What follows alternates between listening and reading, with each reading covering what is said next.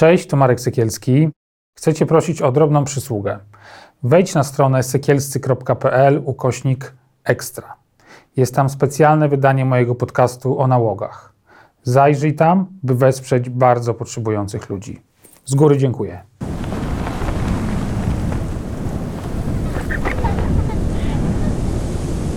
Ten program oglądasz dzięki zbiórce pieniędzy prowadzonej na patronite.pl ukośnik sekielski. Zostań naszym patronem.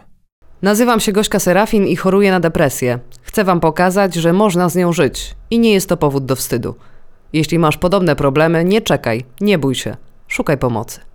Witam Was w kolejnym odcinku Farbowania Życia. Jak zawsze na początek wielka prośba o to, abyście subskrybowali nasz kanał udało mi się powiedzieć bez przejęzyczenia, żebyście zostawiali komentarze pod najnowszym odcinkiem Farbowania Życia i wspierali nas e, na e, Patronajcie. E, dziś gościem Farbowania Życia jest moja klientka z salonu fryzjerskiego Ewa, bo ja tak też czasem werbuję ludzi, a to na Instagramie zachęcam, żeby do mnie pisać, albo werbuję na fotelu fryzjerskim, no bo wiadomo, fotel fryzjerski ma to do siebie, że tak człowiek sobie Oj, siedzi, tak. gada i tutaj tak, tak, schodzą tak. tematy na takie głębsze Y, i życiowe. Ale pani kochana, ja widziałam, że pani byłaś w Portugalii. Tak jest. To co to za depresja, jak pani po Portugaliach się wozisz? No depresja ma to do siebie. Raz jest lepiej, raz jest gorzej. E, jak się wyjedzie do słońca, to jest lepiej. E, w zeszłym roku pamiętam, że nie, dwa lata temu, przepraszam, jak byłam w Portugalii, to miałam właśnie bardzo ciężkie przeżycia w związku z moją, z moją wyjątkową kondycją psychiczną. Było bardzo trudno, ale teraz, teraz się obeszło mm, bez żadnych przygód, także zupełnie baterię naładowałam. Ale pogodę mia miałyście jakąś taką słabszą? Zresztą pogodę miałyśmy no, w kratkę. No. E, ja się, Ale ja trochę się... się nasłoneczniłaś?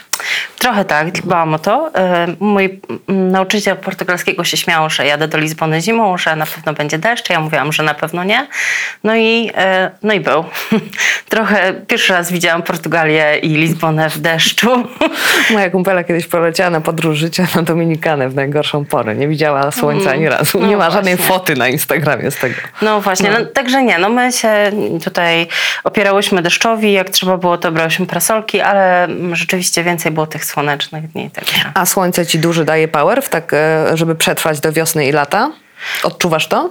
No właśnie ja zawsze myślałam, że to jest taka, e, taka trochę klisza, jak to się mówi, że, że ta e, depresja ci tak dokucza, jak nie ma słońca, ale ja widzę, że jednak mi dokucza bardziej, jak nie ma słońca, bo ten okres taki listopad do lutego to naprawdę jest kruchutko i zresztą pani doktor mi zawsze mówiła, psychiatra moja, że powinnam właśnie w tych, e, w tych okresach jeździć na urlop gdzieś, gdzie jest słońce i tak rzeczywiście robiłam do czasu, do czasu pandemii. COVID. Szkoda, że nie refundują tego słońca. Powinni trochę, Mogliby uważam. refundować, no, albo przynajmniej te lampy e, nasłoneczniające, tak. żeby pomagało. Od jak dawna ty się zmagasz e, z depresją? Wiesz co, myślę, że zaczęłam ją mieć w liceum. Takie, tak mi się to zmieszało mhm. z nastoletnimi różnymi emocjami, hormonami i tak dalej. I mm, dojechało mnie właśnie w liceum, jak byłam, pamiętam, że dużo wtedy spałam. Moja przyjaciółka nawet zabrała mnie do swojej cioci, która, która była psycholog, e, psycholożką, żeby tam ona ze mną pogadała, ale ona też nie bardzo chyba wiedziała, jak ten temat ugryźć. No i Diagnozę dostałam, jak miałam 21 lat. E, wtedy miałam rzeczywiście taki czas, że mm, po pierwsze, to chyba było największe zaostrzenie w ogóle mojej choroby, bo ja nie wychodziłam wtedy z łóżka. W sensie to było naprawdę no, mieszkałam wtedy jeszcze z mamą, z siostrą. Z siostrą dzieliłam pokój i rzeczywiście było tak, że nie wstawałam z łóżka. Przez... A wiedziałaś dlaczego? Wiedziałaś, co się dzieje? Czy właśnie nie wiedziałaś, co się z tobą dzieje? Nie, po prostu miałam taki magnes do tego mhm. łóżka. W sensie, to, to nie jest tak, że ja coś tam szczególnego robiłam. Nie czytałam, nie oglądałam. Po prostu miałam tryb, patrzę w ścianę albo patrzę w sufit, jak się obrócę i jakby załatwiałam potrzeby fizjologiczne w toalecie, ale po, poza tym jakoś nie nie spieszyło mi się do higieny. Wtedy też się wydarzyło jedno z moich najbardziej przykrych doświadczeń e, depresyjnych, mianowicie moi przyjaciele postanowili zrobić mi niespodziankę z okazji urodzin.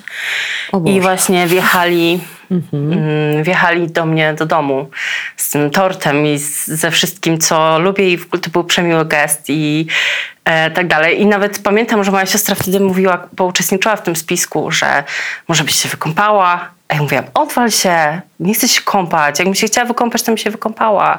W ogóle zajmij się sobą, nie przeszkadzaj. No i rzeczywiście potem się wyjaśniło, czemu, e, czemu ona mnie Czemu tak nalegała, żeby no, zachęcała, żebym wreszcie, się no. troszkę ogarnęła. No to było bardzo no, miłe i niemiłe, takie, że tak powiem, ambiwalentne doświadczenie. Znaczy racjonalnie doceniałam bardzo to, że oni się tam Jasne. wszyscy pojawili, bo ja wtedy nie mieszkałam w Warszawie, tylko jeszcze mm, 50 kilometrów Mhm. za Warszawą. I rzeczywiście ci przyjaciele stąd i z różnych miejsc w Polsce tam się zjechali. Myślę, że to była taka może forma interwencji jakiejś. No, ale no, było to stresujące w każdym razie. Takie, no nie wiem, pewnie ty też masz takie doświadczenie, że czasami... W ogóle impreza niespodzianka, mnie, no, nie stresują niespodzianki. No prezenty właśnie, że tak cię czasami ktoś zaskakuje i potem... Ja, wiesz, Trochę miałam... niby fajnie, ale ciężko. No ja miałam takie, wiesz, wrażenie, że oni są trochę może rozczarowani moją reakcją, a ja tak byłam tak zaskoczona, że zupełnie nic nie mogłam z siebie wykrzesać. No i krótko po tym doświadczeniu, dosłownie 2-3 miesiące, trafiłam do lekarza pierwszy raz i tam miałam diagnozę. Tam też mi zaproponowano szpital, żeby jakoś mm, wyprostować może trochę, trochę to, e, ten stan. Ale ja też miałam takie poczucie wtedy, o, o czym ci tam wspominałam w naszych rozmowach wcześniej, że ja nie za bardzo sobie mogłam na takie szaleństwo pozwolić, bo, bo też miałam akurat taką sytuację rodzinną, że byłam właściwie już u progu samodzielności, mimo, trochę mimo woli, ale tak się, tak się akurat złożyło. Ile miałaś lat? 21. 21, no to już y, studia. E, Wiesz co, byłam w studium, bo nie udało mi Ale się już dostać po, na po studia. liceum już takie wkraczamy w dorosłe życie, hej, nie?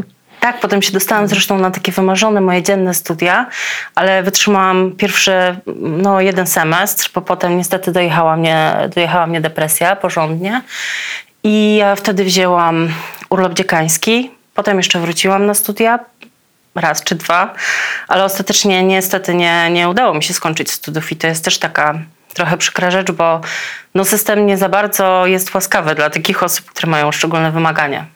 I ja tak miałam po prostu. Najbardziej potrzebowałam chyba takiego indywidualnego trybu, żeby móc się uczyć, wiesz, yy, kiedy był dobry czas po prostu, bo kiedy był zły, to nie za bardzo mogłam. A w tym złym czasie, w tym takim mm, etapie, kiedy leżałaś w łóżku, zanim jeszcze trafiłaś do lekarza, to jak mama z siostrą pytały, co jest, y, co się dzieje, jak obserwowały, to, to, to co mówiłaś? Mówiłaś, wiedziałaś w ogóle, co ci jest? Nie, w ogóle Nie? nie, wiedziałam, co mi jest. I szczerze to ja nawet nie pamiętam tych rozmów. Ja myślę, że jakieś były bardziej może z siostrą, chociaż mama, bo mama też miała swoje sprawy na głowie w, w tamtym No. czasie.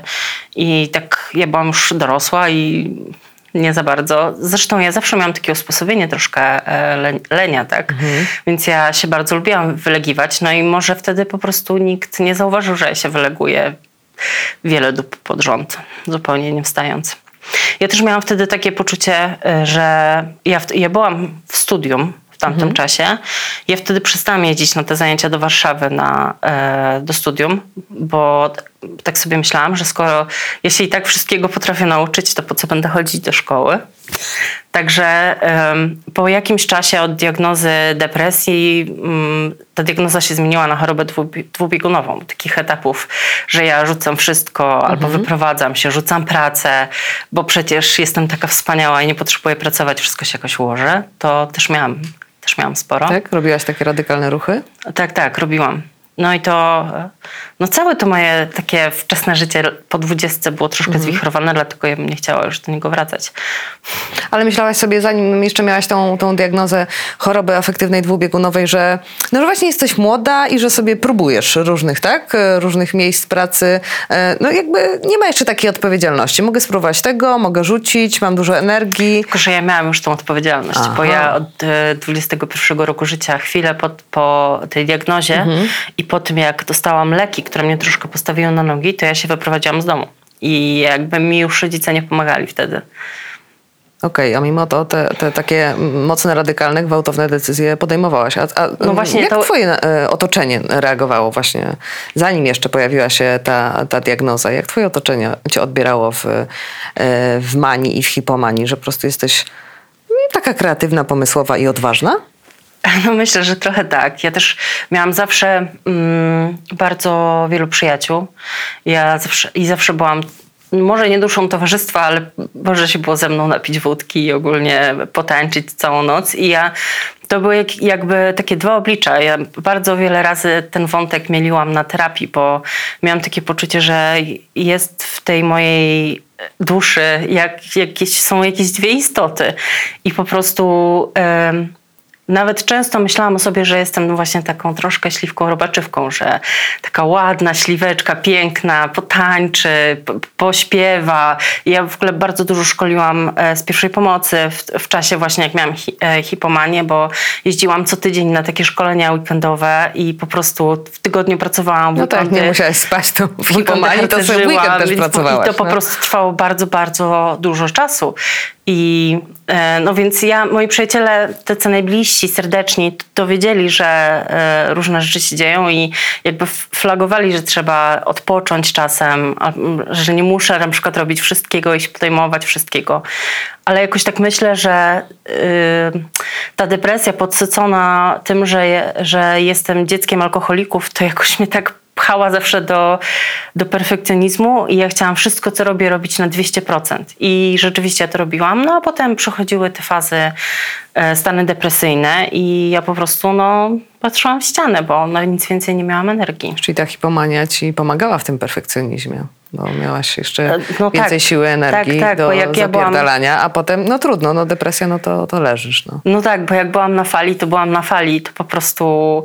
Ja nie miałam nigdy takich stanów, że, że wykrzykiwałam, że jestem królową wszechświata, ale. em, no, byłam bardzo aktywna. W sensie naprawdę mogłam dużo z siebie energii wy, wykrzesać jak na, jak na swój stan. I myślę, że ci wszyscy ludzie, z którymi ja się spotkałam właśnie w, w czasie na przykład tych harcerskich szkoleń, oni e, zawsze na koniec, em, na koniec tych szkoleń wypełniali ankiety i oni mówili, że optymizm i pozytywna energia są inspirujące. Jest tak myślałam, tak, są inspirujące.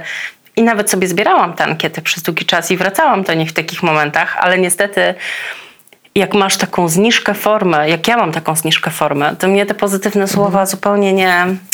Ja sobie myślę, że ktoś na nic nie wie. Nie, albo dał się nabrać, nie? Syndrom oszusta się włącza. absolutnie. Syndrom oszusta i no i właśnie ta śliwka robaczywka, że z zewnątrz taki fajny człowiek, a przy bliższym poznaniu tyle, tyle mroku. A po ilu takich właśnie zmianach w e, hipomanii, manii, w depresję e, udało się e, zmienić tą, tą diagnozę? No myślę, że to trwało 5-7 lat. I pytanie, czy ty w ogóle mówiłaś lekarzowi o, e, o tych cudownych, e, euforycznych stanach, bo wiele osób, e, które gościłam w farbowaniu życia, mówi, opowiadały o tym, że ta diagnoza mm, tak długo trwa, no bo o tym, że jest zajebiście, to się psychiatrzy nie opowiada, tak? No, tylko jak jest źle. Znaczy, no jak było zajebiście, to ja na przykład przestawałam brać leki. A, No tak i sobie myślałam, jest tak zajebiście, ja już nie muszę brać żadnych leków. Przecież ja jestem zdrowa. No i to, to trwało tam trzy tygodnie, cztery tygodnie, pięć tygodni, gdzie ja po prostu tak zjeżdżałam, zjeżdżałam powoli, aż pacnęłam i znowu byłam takim trochę no, warzywem, zwłaszcza intelektualnie. I co, po tych paru ładnych latach, 5-7 powiedziałaś, tak? Że, 5-7 do, że dopiero wtedy się e, pojawiła ta diagnoza, ale była jakaś taka mm, mocna mania. Co, co się stało, że, e, że jednak do tej diagnozy doszło?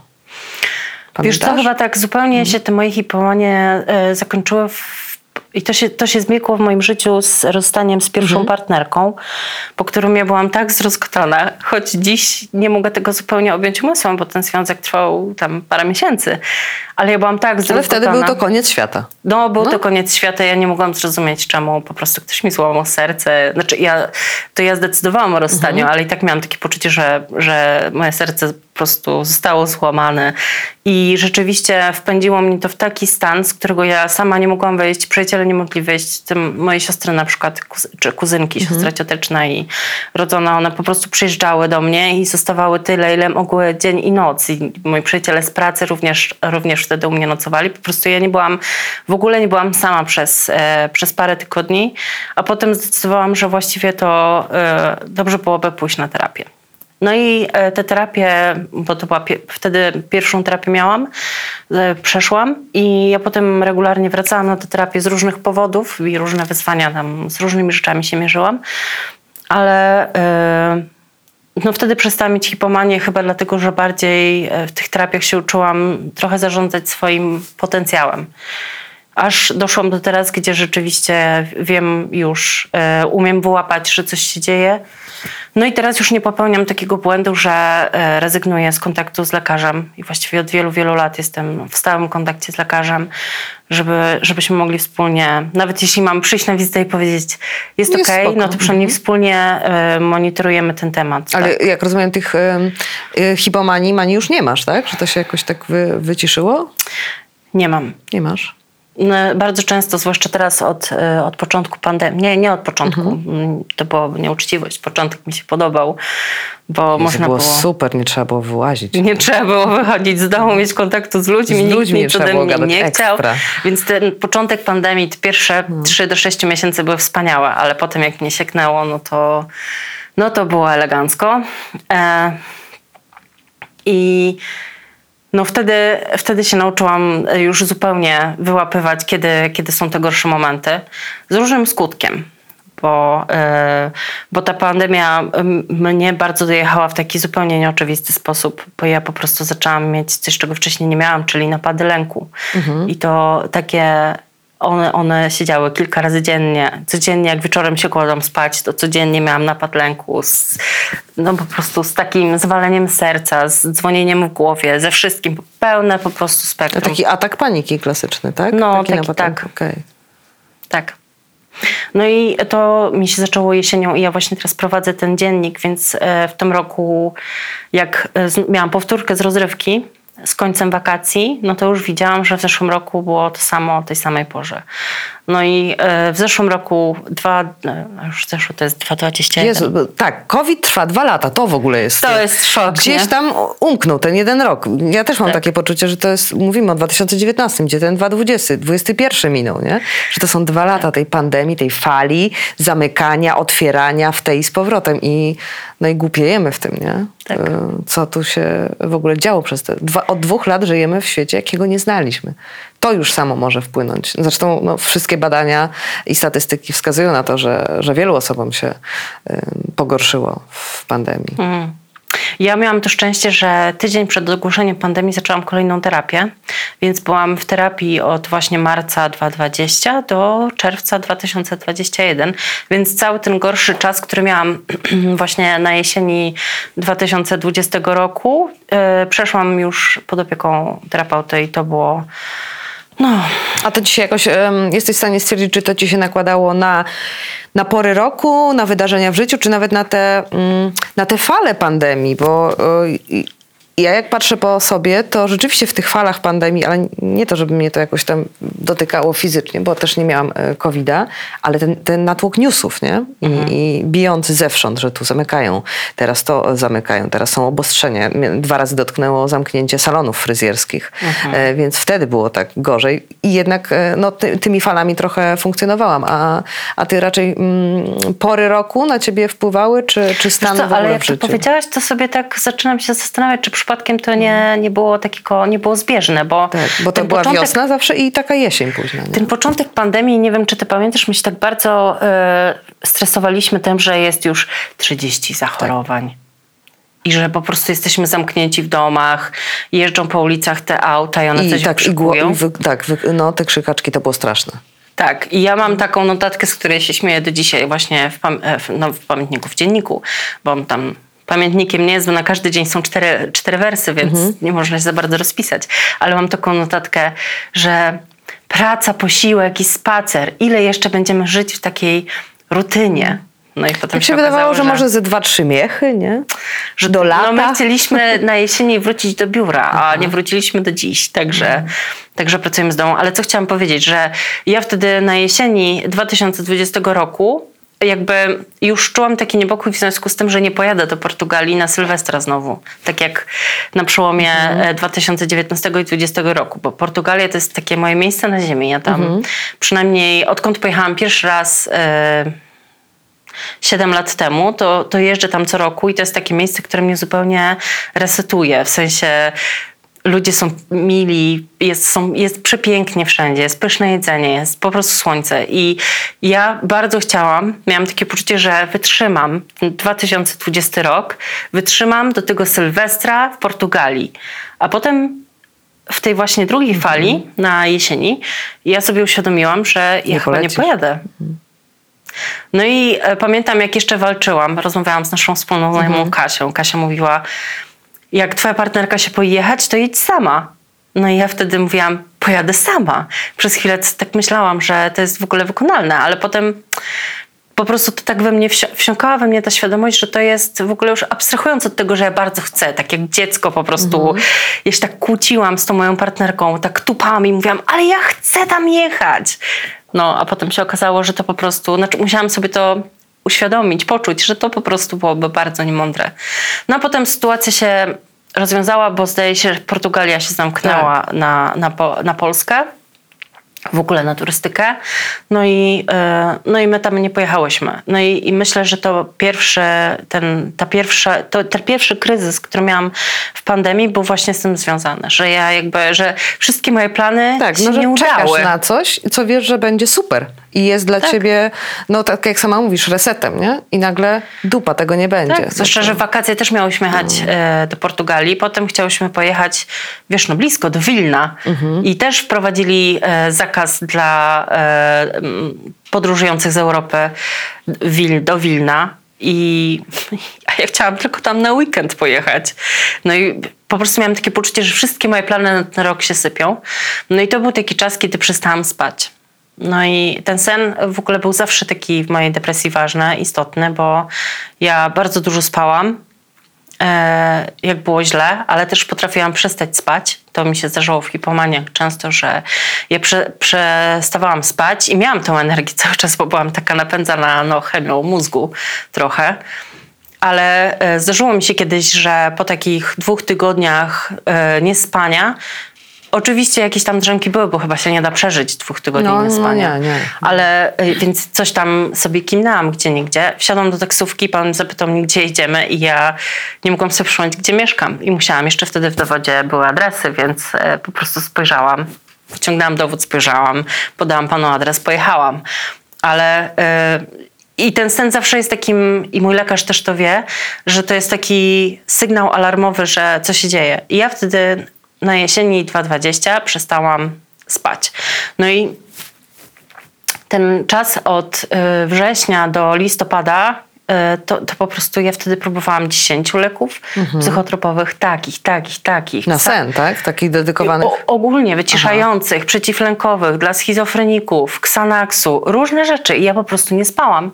I ja się bałam, że to się, wiesz, skończy w końcu psychiatrykiem, bo... No tak, bo, bo jak już e, za, no, zaczęłaś tracić pamięć, nie? Jak mówisz, Tak. że, że taksówkarz cię... Ja miałam to samo, wiesz, wysiadłam kiedyś po tygodniach niespania, e, nie pamiętałam e, na jakiej stacji metra wysiąść, jak w TVP pracowałam. Lata jeździłam i nagle nie wiedziałam wysiąść, nie? Więc już widziałam, że jest źle, bo tracę Mhm. w ogóle pamięć. E, no to, e, to rzeczywiście byłaś już e, na skraju takiego e, kumania, nie? Tak. No a potem em, jakieś tam leki zadziałały na, na parę miesięcy, a potem mnie dopadł COVID. No i po tym COVIDzie ja bardzo ciężko go przechodziłam. Naprawdę wspominam to jako najgorszą chorobę w, chyba w swoim życiu. Miałam taki moment, że takiego wiesz, życie jest takie cenne. Chwytaj dzień. I, nie, tak martw się, nie zamartwiaj się. tak, tak. I się tak bardzo cieszyłam e, po prostu każdym dniem, jak już się lepiej poczułam, bo to naprawdę prawie chorowałam 4 tygodnie, więc potem jak już nie czułam dyskomfortu w ciele, to, to byłam taka szczęśliwa i tak mnie niósł, niósł ten entuzjazm przez parę miesięcy. E, W wakacje udało mi się nawet wyjechać za granicę, poznać adoptowaną córkę moich przyjaciółek, co było dla mnie wspaniałym doświadczeniem i też się tym tak naładowałam pozytywnie i do dziś sobie oglądam zdjęcia e, dzidziulka, jak, e, jak mi jest po prostu jakoś gorzej. E, a potem na jesieni znowu, i nie wiem, jak z, po prostu za dotknięciem e, jaki, jakiegoś po prostu ogona diabła, nie wiem co to było, ale przez 16 tygodni nie spałam. O, fuck. No i, Cztery e, miechy. I to naprawdę było, no, to było po prostu coś strasznego, ponieważ ja, e, ja pracuję kreatywnie. No i e, jakby moja praca była dla mnie tak strasznie trudna w tym okresie, Ale Ja- byłaś w stanie w ogóle, w ogóle być kreatywna? No jak, ci, jak nie powiem śpisz? ci tak, ja, ten mój wewnętrzny perfekcjonizm, on pcha mnie do tego, żeby ładować całą swoją energię w pracę. Mhm. Więc ja wstawałam wtedy, w tamtym czasie. Ja w ogóle, mi się zlewały dni, zupełnie nie pamiętałam jakichś różnych szczegółów, co, w co byłam ubrana, co jadłam na śniadanie, czy, to, czy ktoś do mnie dzwonił wczoraj, czy to było przedwczoraj. Czy jest środa, czy listopad? No.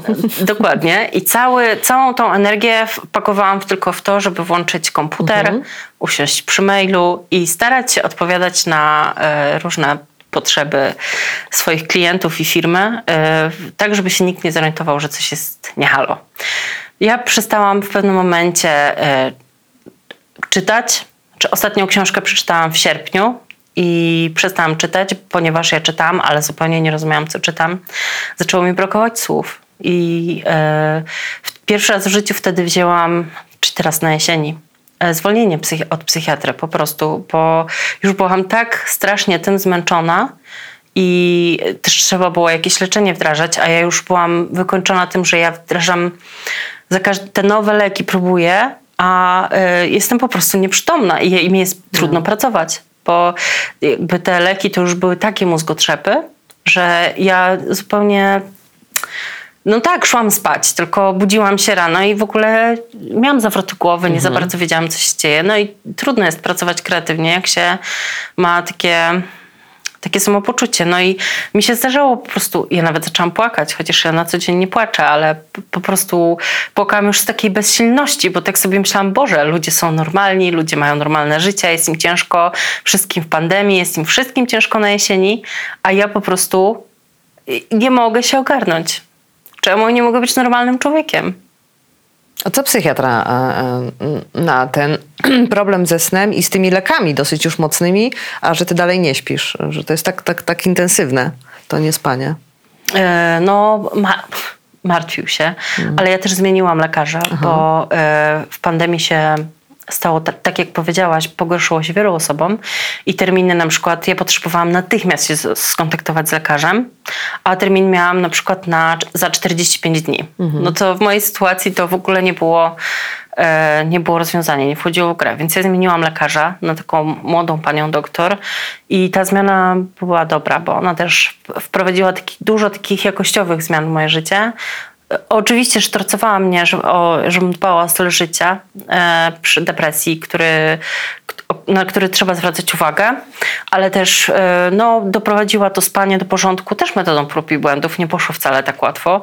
E, plus dodała mi taki lek, który na dzień, co nie było nigdy praktykowane, ponieważ moim przecież głównym problemem był sen który mm, ona, ona mi tu powiedziała, że może mi się na początku będzie chciało wymiotować, ale po jakimś czasie e, będzie poprawiał funkcje poznawcze, czyli pamięć, koncentrację. I ja po prostu Wreszcie, nie? tak sobie pomyślałam, Boże, i rzeczywiście, tylko że nic się nie zmieniało przez pierwsze parę tygodni, ale pod koniec pierwszego opakowania leków, czyli pod koniec czwartego tygodnia, ja nagle poczułam po prostu takie wow, mogę coś napisać i nie zajmuje Całym mi to zdaniem. trzy dni, całym zdaniem. Normalnie, bo ja nie miałam nigdy problemu z pisaniem Mhm. i to był też dla mnie taki duży wyznacznik i duża bolączka, że ja w mojej pracy dużo piszę, ale ja piszę na zasadzie No i tak. mam napisane. W sensie mi rzeczy przychodzą, e, słowa przychodzą bardzo szybko do głowy. I to, że ja na przykład coś, co zajmowało mi jedno popołudnie, zajmuje mi 3-4 dni, dla mnie osobiście było po prostu bardzo trudne. Taka No bo- bezsilność, nie? W ogóle tak, chcesz, to a dopiero mi się, no. mi się jakby w tym czasie włączył syndrom oszustwa, że ja sobie myślałam, Boże, ktoś mnie zatrudnił, bo ja tak świetnie sobie radzę ze słowem, a ja po prostu to nie. No nie, no beznadzieja. Oczywiście ja się wyrabiałam z pracą, wszystko Mhm. było zrobione, ale ten wysiłek, jaki musiałam wkładać w pracę, to naprawdę e, no, był ogromny. Ja jakby nie miałam już potem przestrzeni na, na nic innego, na czytanie, na oglądanie, na spotkanie się z znajomymi. Bardzo wiele... na gadanie z kimś, nie? Bo, no bo jak całą energię skupiasz na tym, żeby jednak dogadać się z kimś w pracy, można na tym pieprzonym Zoomie się spotkać, na kolu maila napisać, no to już potem nie masz siły gadać, nie? My akurat wszyscy mamy tak w naszej, w naszej pracy, w, w, bo ja pracuję w agencji, że my mm, każdy jest zagoniony i każdy po prostu goni swój własny ogon, robot jest dużo i my się tak często nie, e, nie dzwaniamy z, z wizją, tylko ewentualnie piszemy na czacie i szybko, szybko sprawę załatwić, więc to było, to było ok, ale ja mm, na przykład reagowałam atakiem paniki na telefon. Jak dzwonił do mnie telefon, to ja po prostu mnie odpinało. I e, na przykład też ta moja depresja to jest może głupia, ale znak naszych czasów. E, Widać ją na moim Instagramie, ponieważ ja postuję na przykład regularnie co tydzień, a potem jest przerwa półroczna, ponieważ ja nie jestem w stanie nic napisać. I tak miałam ostatnio. Że cichutko siedziałaś, tak? Nic, nic dobrego. Nic. A, a takie paniki od, od jak dawna, dawna ci towarzyszą? No właśnie nazwałam je myślę z dwa lata temu, Okej. ale miałam je już wcześniej. I nie wiedziałaś, co to, nie? Nie, nie wiedziałam, dlatego że ja mam nadciśnienie i ja zawsze myślałam, że to, co się ze mną dzieje, to jest skok ciśnienia. I dopiero. No, bo to tak w sumie, tak można odczuć, nie? Tak, i dopiero w, Port- w tej Portugalii, jak byłam, zadzwoniłam do mojego przyjaciela, który jest lekarzem, i on mi powiedział: No ale mierzyłaś ciśnienie? Bo ja oczywiście, jak tylko tak się czułam, to zaczynałam brać takie leki hipotensyjne na obniżenie ciśnienia. I on mówił: Ile jej wzięłaś? Ja mówiłam na przykład: Sześć. A on mówił: Ale zmierzyłaś sobie ciśnienie? I mówiłam: Nie. On, to idź do jakiejś apteki, zmierz sobie to ciśnienie, bo nie jest tak łatwo podnieść ciśnienie, jak obniżyć. No idź sobie po prostu, zmierz to ciśnienie. No i potem ja zaczęłam przy każdym takim dyskomforcie, że miałam takie po- poczucie, że mam skok, skok ciśnienia w cudzysłowie, mierzyłam sobie ciśnienie i jak po prostu widziałam czarno na białym, że ono nie jest pod, podwyższone. Nie mam skoku ciśnienia. No to musiałam zacząć stawiać czoła temu, że to jednak to nie jest ciśnienie. A długo ci zajęło e, w ogóle skumanie, że po ataku paniki mm, trzeba dojść do siebie, ale nie tylko tak, że on się skończy, tylko że to, co się z tobą dzieje z umysłem, z ciałem, to może trwać jeszcze parę godzin. To takie dziwne uczucie jest. Mam. Ja na przykład tak mam, że okej, mi ten atak e, paniki trwa chwilę, e, już przestałam kurwa robić najgłupszą rzecz na świecie, czyli rozchodzić go albo udać, że nic się nie stało. Nie, po tak prostu mu się poddaję, e, a potem te parę godzin jest takie. Ja dalej w tym odrealnieniu lekko, wiesz, lekko jestem, no. Znaczy, no to ja jeszcze sobie nie, nauczy, nie nauczyłam się radzić sobie z tymi atakami i jakoś tak konfrontować z tym. Ja zdecydowanie jestem na etapie zróbmy tak, żeby to, żeby to się nie działo i żeby tego nie czuć, więc ja najczęściej biorę hydroksyzynę, albo dwie, albo trzy, różnie. E, Po prostu zwykle to pomaga. W większości przypadków. Ja po prostu wręcz mam takie y, takie uczucie, że to mi puszcza, ja to fizycznie czuję, jak mi puszcza. Nagle przestaje mi dzwonić w głowie i to jest dla mnie znak, że mogę się, wiesz, oddalić do swoich rzeczy. Jakby ja nie, nie daję sobie właśnie tej przestrzeni na to, żeby trochę tak okrzepnąć. Mi na przykład jedna e, dziewczyna opowiadała, że przez e, kilka dni po ataku paniki ona nie jest w stanie czytać, w ogóle się skoncentrować. Ktoś inny opowiadał mi, że po prostu idzie spać na ileś godzin, nie? że w ogóle tak e, też bardzo indywidualnie czasem ciało daje znać i wreszcie jak to zidentyfikujesz, no to rzeczywiście warto sobie pomóc. Ja na przykład miałam ostatnio atak paniki na korcie do skłosza. A wcześniej miałam tylko w e, supermarkecie, nie? No bo dużo, bo dźwięki, bo coś. I mówię, kurwa, no jestem na korcie do skłosza, jakby jest super. O co chodzi?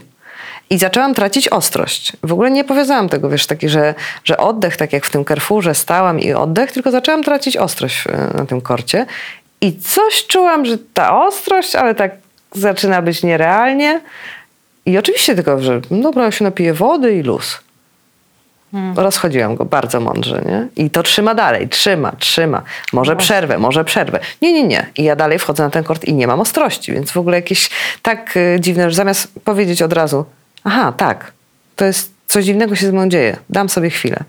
No, bo t- mam wrażenie, że o tym się tak mało mówi jeszcze, o, o, o napadach lęku, e, że trochę nie wiem, jak to obsługiwać, no, bo o depresji już troszkę więcej się mówi, o chorobie afektywnej dwubiegunowej też trochę więcej, ale, ale ci, którzy mają nerwicę lękową i ataki paniki, y, wołają, że hello. No.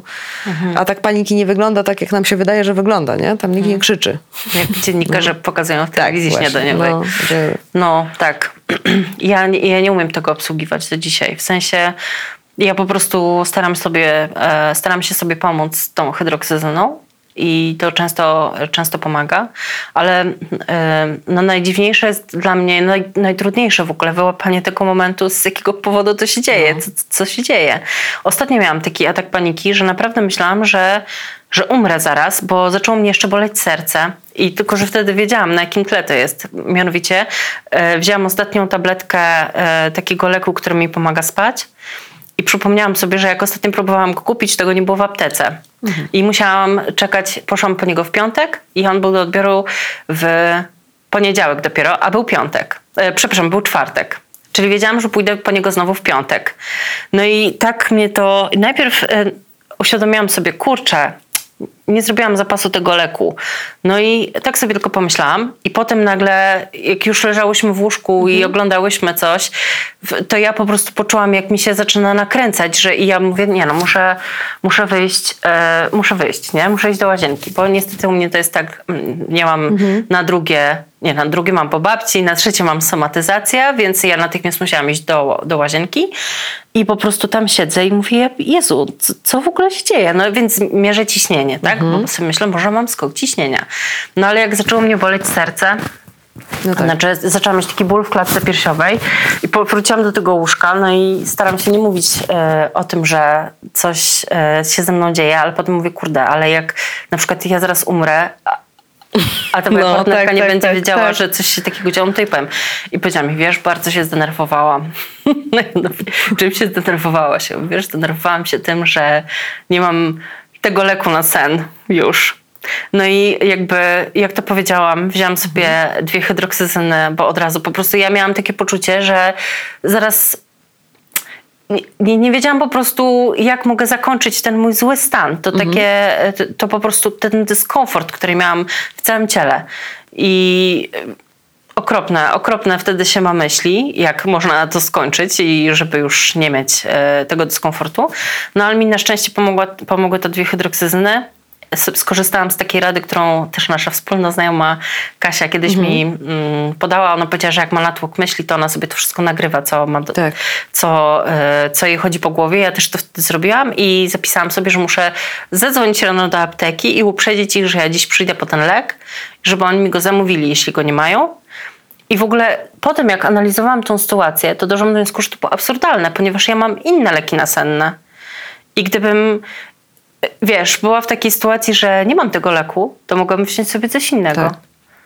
I że i ja oczywiście mam w związku z tym drugim lekiem taki problem swój psychologiczny, że on uzależnia i ja zawsze się boję, że jak go wezmę na przykład piątek, sobota, niedziela, to już koniec, to już nie będę mogła bez niego spać. Więc staram się go nie brać. I tak się zafiksowałam na tym, że nie mogę go brać, że w ogóle nie byłam w stanie racjonalnie siebie uspokoić tym, że ja przecież to nie jest tak, że ja nie będę spać przez te trzy noce, bo ja mam ten lek. I ja Czyli- pójdę spać. Mm, straciłaś e, kontrolę trochę, nie? W pewnym momencie straciłaś kontrolę, bo nie miałaś tego leku, o, o- o który ci chodziło. Tak, plus mi nie styknęły kulki trochę w mózgu. I straciłaś kontrolę w tej, tej sytuacji. Tak, no, i, tak. no i atak paniki gotowy. Nie? Tak.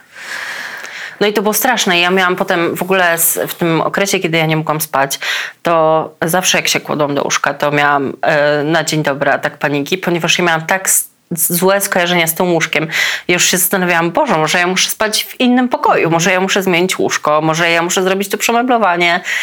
E, no, na, ostatecznie, e, ostatecznie nic nie zmieniłam. I tylko po prostu poddałam się temu leczeniu i jakby trochę się poddałam tej sytuacji, bo też e, bardzo dużo czytałam i, te, i, i też ta pani doktor nowa nade mną pracowała i ona powiedziała, jak się nie wyśpisz, to się nie wyśpisz. tak mówią psychiatrzy o bezsenności. Nic się nie stanie, jak się nie wyśpisz. No to nie będziesz spać jedną, dwie czy trzy noce, a czwartej zaśniesz, bo już ciało będziesz mieć zmęczone. No ale trudno tak się na to pogodzić, jak się ma właśnie taką żyłkę perfekcjonisty. Na przykład jak się chce dobrze pracować, żeby nikt się nie kapnął, Tak. że coś jest nie tak. Ale ja na przykład teraz jak miałam, e, mam go cały czas, ten drugi epizod depresyjny, który mi się objawił bezsennością, czego się absolutnie nie skumałam, bo też nie bardzo wiedziałam, z czym depresja się je, to poszłam do psychiatry, e, że nie śpię i on powiedział, że, że bez leków. Jak to bez, jak to bez leków? Że naturalny rytm przywrócimy, tak? Tą higieną snu. Jak to bez leków? Byłam tak przerażona, że ja mam coś sama zrobić. No i powiedział mi, że mam wstawać o siódmej rano, chociażbym zasnęła o 6.20. Przez parę, I że czwartego dnia, tak jak mówisz, ten organizm padnie, nie? I rzeczywiście tak było. No, pierwsze parę dni byłam trupem i, i chciało mi się płakać cały dzień, bo marzyłam o tym, żeby położyć się spać, no, ale gdzieś tam zrobiłam milion rzeczy i ja tego czwartego dnia, wiesz, już mi się to jakoś e, wyregulowało. A ty... Mm, jak bierzesz te, te leki na senę, to, to to są takie dłuższe e, fazy, kilkumiesięczne tego leczenia i mm, potem jakoś wychodzisz właśnie tą higieną snu z tego? Czy na stałe już masz na, na tak doraźnie, że nie możesz spać? Powiem to... ci, że, że nie umiem na to odpowiedzieć, bo na pewno jeśli chodzi o farmakoterapię, no to e, raz w życiu nie brałam leku przez pół roku. Nie, nie, nie przez pół roku, to za dużo. Przez em, wydaje mi się dwa lub trzy miesiące. No i bardzo szybko zaczęłam mieć problem ze snem. Więc ja rzeczywiście, jak ktoś mnie pyta, całe życie będziesz brać te leki? Tak. To ja mówię, tak, tak, no to wygląda, że całe życie będę brać te leki. No i e, teraz akurat ten sen się udało unormować, ale ja po prostu biorę na stałe lek na uspokojenie, bo ewidentnie e, tu, tu, tu tkwi problem, że jestem cały czas taka pobudzona. E, Plus lek, który e, z tego co czytałam w ulotce, którym się leczy alergię i on ma takie działanie uboczne, że usypia bardzo. Więc biorę taki lek na alergię i biorę taki lek uspokajający i myślę, że no, mam cały czas, jeszcze jestem przed kontrolą styczniową, ale pewnie myślę, że do marca to tak będzie, dopóki nie, nie wyjdzie słońce. E, Ale nie zamierzasz e, tak udowadniać e, sobie i całemu światu, że zejdę z leków, taka będę odważna i mądra i zejdę z leków. No nie, to się akurat zawsze źle kończyło, jak ja próbowałam zejść z leków. Nie, na pewno nie i na pewno już nie sama, bo, no bo to chyba jest największa pułapka całej tej choroby w ogóle, że jak się już dobrze czujesz, to sobie myślisz, ej nie, jest zajebiście, już nie muszę brać leków. No, potem spoko. szybko się przepraszasz z tymi lekami, Tak. nie? Tylko, że no to jest... Ja zawsze schodziłam z, z lekarzem z leków, e, ale jakoś teraz nie mam, nie mam jaj odwagi i, i jeszcze chyba nie teraz, nie? Że, no, a na pewno nie w styczniu, przecież to jest na jakieś, Mhm. może koło czerwca pomyślę, jak już włączą światło e, z powrotem. Tak, naturalne. E, A co ci daje terapia? Ja w ogóle mam takie podejście do terapii, że to jest takie miejsce, w którym ja się mogę odgadać. Ponieważ bardzo mi jest trudno odgadywać się na przykład przyjaciołom czy, czy partnerce, zwłaszcza mojej partnerce, ponieważ wychodzę z założenia, że ona nie jest moją terapeutką i nie powinna trochę dźwigać moich ciężarów razem ze mną. Czy, Znaczy każdy ma swoje bagno, sorry. No. no być może ktoś, ktoś się z tym nie zgadza i wiem, że są, nawet wokół mnie są różni ludzie i oni właśnie lubią wszystko dzielić ze swoimi partnerami e, i partnerkami, a ja właśnie tak bardzo nie lubię, bo też myślę sobie, że nie po to się ludzie wiążą, e, żeby być dla siebie ciężarem, no. I jakby moja partnerka na samym początku, jak zaczęłyśmy się, się spotykać, sobie zażartowała jakieś choroby psychiczne. No i ja jej powiedziałam, no właściwie to akurat tak się składa, że no, tak. akurat tak.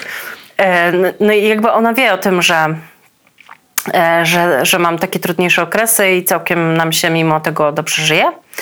I więc terapia jest takim miejscem dla mnie, gdzie ja mogę troszkę się odwentylować. I teraz na przykład moja nowa pani doktor wysyła mnie na terapię, żeby, e, ponieważ wie, że mam już takie duże doświadczenie terapeutyczne, żebym spróbowała terapii w innym nurcie niż te, w których pracowałam, żeby zrozumieć skąd się bierze ta e, bezsenność, bo, bo gdzieś tam to... No ona tak, to też wynika ze środka, kurczę, nie? Tak, No. gdzieś coś jest. A w jakich nurtach e, miałaś terapię? Ja miałam w nurcie psychodynamicznym. E, humanistycznym próbowałam, ale tutaj niestety do mnie to nie trafiło. Być może nie było tej chemii między mną a, a wtedy panią terapeutką. I ostatnio miałam w nurcie systemowym. No i najbardziej lubię niestety, niestety, niestety, niestety ten e, psychodynamiczny, bo on tak bardzo zostawia piłeczkę po stronie pacjenta. I to mi odpowiada. Ile czasu jesteś już e, w terapiach różnych? Myślę, że ze 12 lat. Tylko każda terapia była troszkę pod innym kątem. Bo te pierwsze, y, ja miałam do przepracowania całe swoje życie y, rodzinne, plus jakby kwestie samooceny. Potem kolejna była taka przypominająca te tematy i ostatecznie się z nimi rozprawiająca, a potem na kolejną poszłam, jak zaczęłam swój związek ym, który trwa teraz już prawie 8 lat, e, ponieważ okazało się, że te wszystkie moje mądre rzeczy, których się nauczyłam w terapii, niejak się mają w praktyce i jakby wychodziły zupełnie jeszcze inne rzeczy ze mnie. No a tę ostatnią miałam w związku z takim czymś, co nazwałyśmy z moją koleżanką kryzysem połowy życia. Miałyśmy takie poczucie, że to jest właśnie nasza połowa życia, a my w tym życiu nic nie osiągnęłyśmy Jezu. i jeszcze ja miałam gorsza, takie poczucie, jak miałam 35 w tym roku skończyłam, że to już jest pół. Że będzie jeszcze tylko 35. No, I też ja jak miałam nie- 36, to już No, miałam no swój to- pierwszy no. kryzys połowy życia. I co, nic nie osiągnęłaś w życiu, nie? Nic. Nic, po prostu oszust, przemknęłam na dobrej opinii, przez całe życie przeleciałam.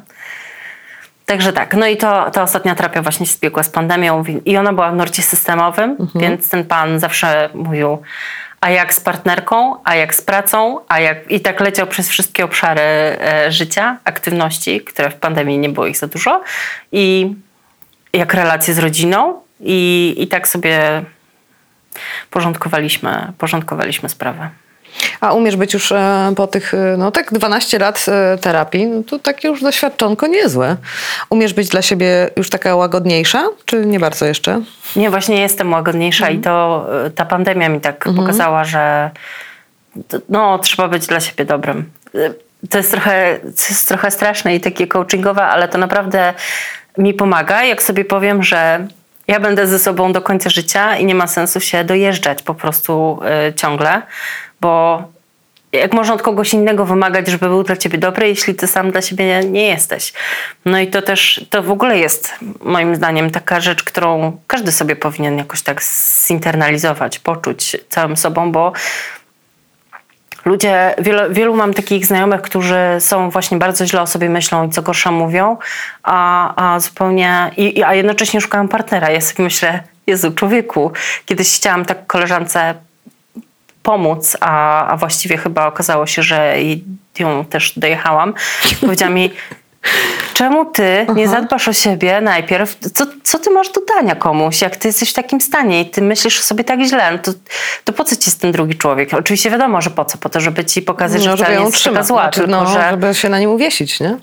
No tak, tylko że jak się jest dorosłym człowiekiem, to się jest dorosłym człowiekiem, a nie dzieckiem, które potrzebuje rodzica, którego będzie głaskał po głowie i mu tłumaczył, że wszystko będzie dobrze. Znaczy, fajnie jest mieć taką osobę. Ja mam taką osobę i ja wiem, że to bardzo pomaga, ale jednak najwięk- najwięcej musisz przekopać sama ze sobą, tak? Tak mi się wydaje. Mm, A wspierasz się jakimiś książkami, podcastami, jakąś taką e, pomocą naukową, czy, czy dozujesz sobie, żeby się tak nie, wiesz, nie przeterapeutyzować, nie przepsychologizować, Na pewno, na pewno jest tak, że mam trochę uczulenie na coaching i rozwój osobisty i strasznie mnie to wkurza i zawsze sobie myślę, czemu wszyscy chcą, żebym się rozwijała, a ja nie chcę się rozwijać. Ja właśnie chcę, żeby mi w tym momencie życia było bardzo dobrze. Ja w ogóle, jak uzyskam ten punkt, że będzie mi bardzo dobrze, to wtedy pomyślę, czy chcę się dalej rozwijać, czy nie. I w ogóle to całe gadanie o najlepszej wersji siebie mnie po prostu bardzo frustruje, bo no, mam takie poczucie, że muszę jednak walczyć o, o trochę o każdy dzień, tak? Żeby z niego wycisnąć jak Żeby głowę najwięcej. nad wodą, to się walczy, nie? Tak. Jak się ma depresję. Ale dokładnie, Mhm. ale są takie podcasty, które do mnie e, jakoś tak mi prosto w serduszko trafiają i to jest na przykład podcast Marty Niedźwieckiej Mhm. o Zmierzchu. On, ona po prostu umie tak jakoś e, sło, słowa ułożyć, że to do mnie trafia i nie mam takiego poczucia, że ktoś mi tutaj robi taki coaching metodą domową. Zresztą jest ekspertką. To Tak, ale to też jest fajne, że e, ja mam coś takiego, że jak przeczytam e, książkę, mm, to mam poczucie, że o kurwa, ktoś to napisał, zbadał, jakiś autorytet i to ja to mam i ja sobie tego nie wymyśliłam, nie? I że jakby nie jestem sama Tak. z tym i to nie jest właśnie moja słabość jakaś albo moja wada, że tak mam, że tak coś odbieram, że tak totalnie się czegoś boję. To nie jest moja wada ani moja wina, tylko to z czegoś wynika, tak? E, Tak. Najczęściej jest to jakiś e, schemat. E, I można trochę zdjąć z siebie to poczucie winy, w którym mam wrażenie bardzo jesteśmy będąc w depresji. tak. Poczucie winy jest gigantyczne, nie? Że mm, okej, jak złamiesz nogę, no to raczej nikt ci nie powie, gdzie kurwa gdzie łaziłaś, no tylko powiedzą, o jej, Tak. za ile ci zdejmują gips. Ale jak masz depresję, to weź się w garść albo... Ja właśnie dlatego dopiero w tym Portugalii roku- byłaś, co? To za depresję, jak E- się Ewa, lat no. 37, prawie 38, zdecydowałam się wziąć zwolnienie e, Mhm. od, od psychiatry, który mi zaproponował, ponieważ oni mi zawsze proponowali zwolnienie. Ja zawsze mówiłam, nie dziękuję, bo przecież e, Wstyd zanieść do pracy? po pierwsze, że wstyd zanieść do pracy, a po drugie, co to za choroba, której nie widać, wiesz.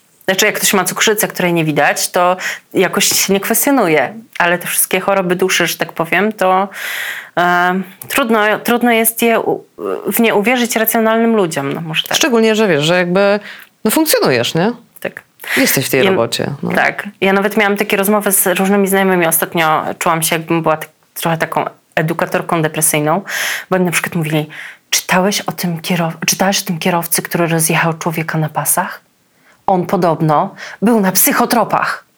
I mówiłam, no to chyba dobrze, że był na psychotropach. To może znaczy, że jest chory, ale się leczę. I ogólnie ja jestem na psychotropach całe swoje dorosłe życie. Jakoś nie mam takiego instynktu, żeby kogoś przejechać na pasach, więc może to nie jest tak, że jak ktoś bierze psychotropy, to jest od razu Może to jakimś... były substancje psychoaktywne, czyli był na ostrym dopalaczu albo Tak. naćpany, a nie psychotropy. No to Tak, też a to może- są takie mylone może- słowa, nie? Czasami. Tak, ale też, też sobie myślę, że co, no może bierze psychotropy, bo się gorzej czuje, tak jak ja się czuję gorzej, czy jak ty się czujesz gorzej w różnych momentach w życiu i może po prostu tak jak ja czy ty postanowił, że pójdzie do pracy mimo tego. No wiesz, to jakby uważam, że trzeba troszkę podchodzić z sercem bardziej, myśleć o ludziach, że to są jednak, e, no nikt nie chce nikogo zabić na pasach. Chyba, że chce, ale to wtedy może nie powinien być kierowcą i może powinien mieć jakieś badania wcześniej zrobione, psychologiczne, tak? Masz takie poczucie, że mm, depresja i, i kryzys y, psychiczny, jeśli się go przechodzi, y, dużo uczy i, i oprócz tego, że jest straszny, to jednak daje taki moment czasem zatrzymania w życiu, przyjrzenia się jakimś rzeczom, y, bo inaczej byśmy pędzili dalej. No to myślę, że na pewno.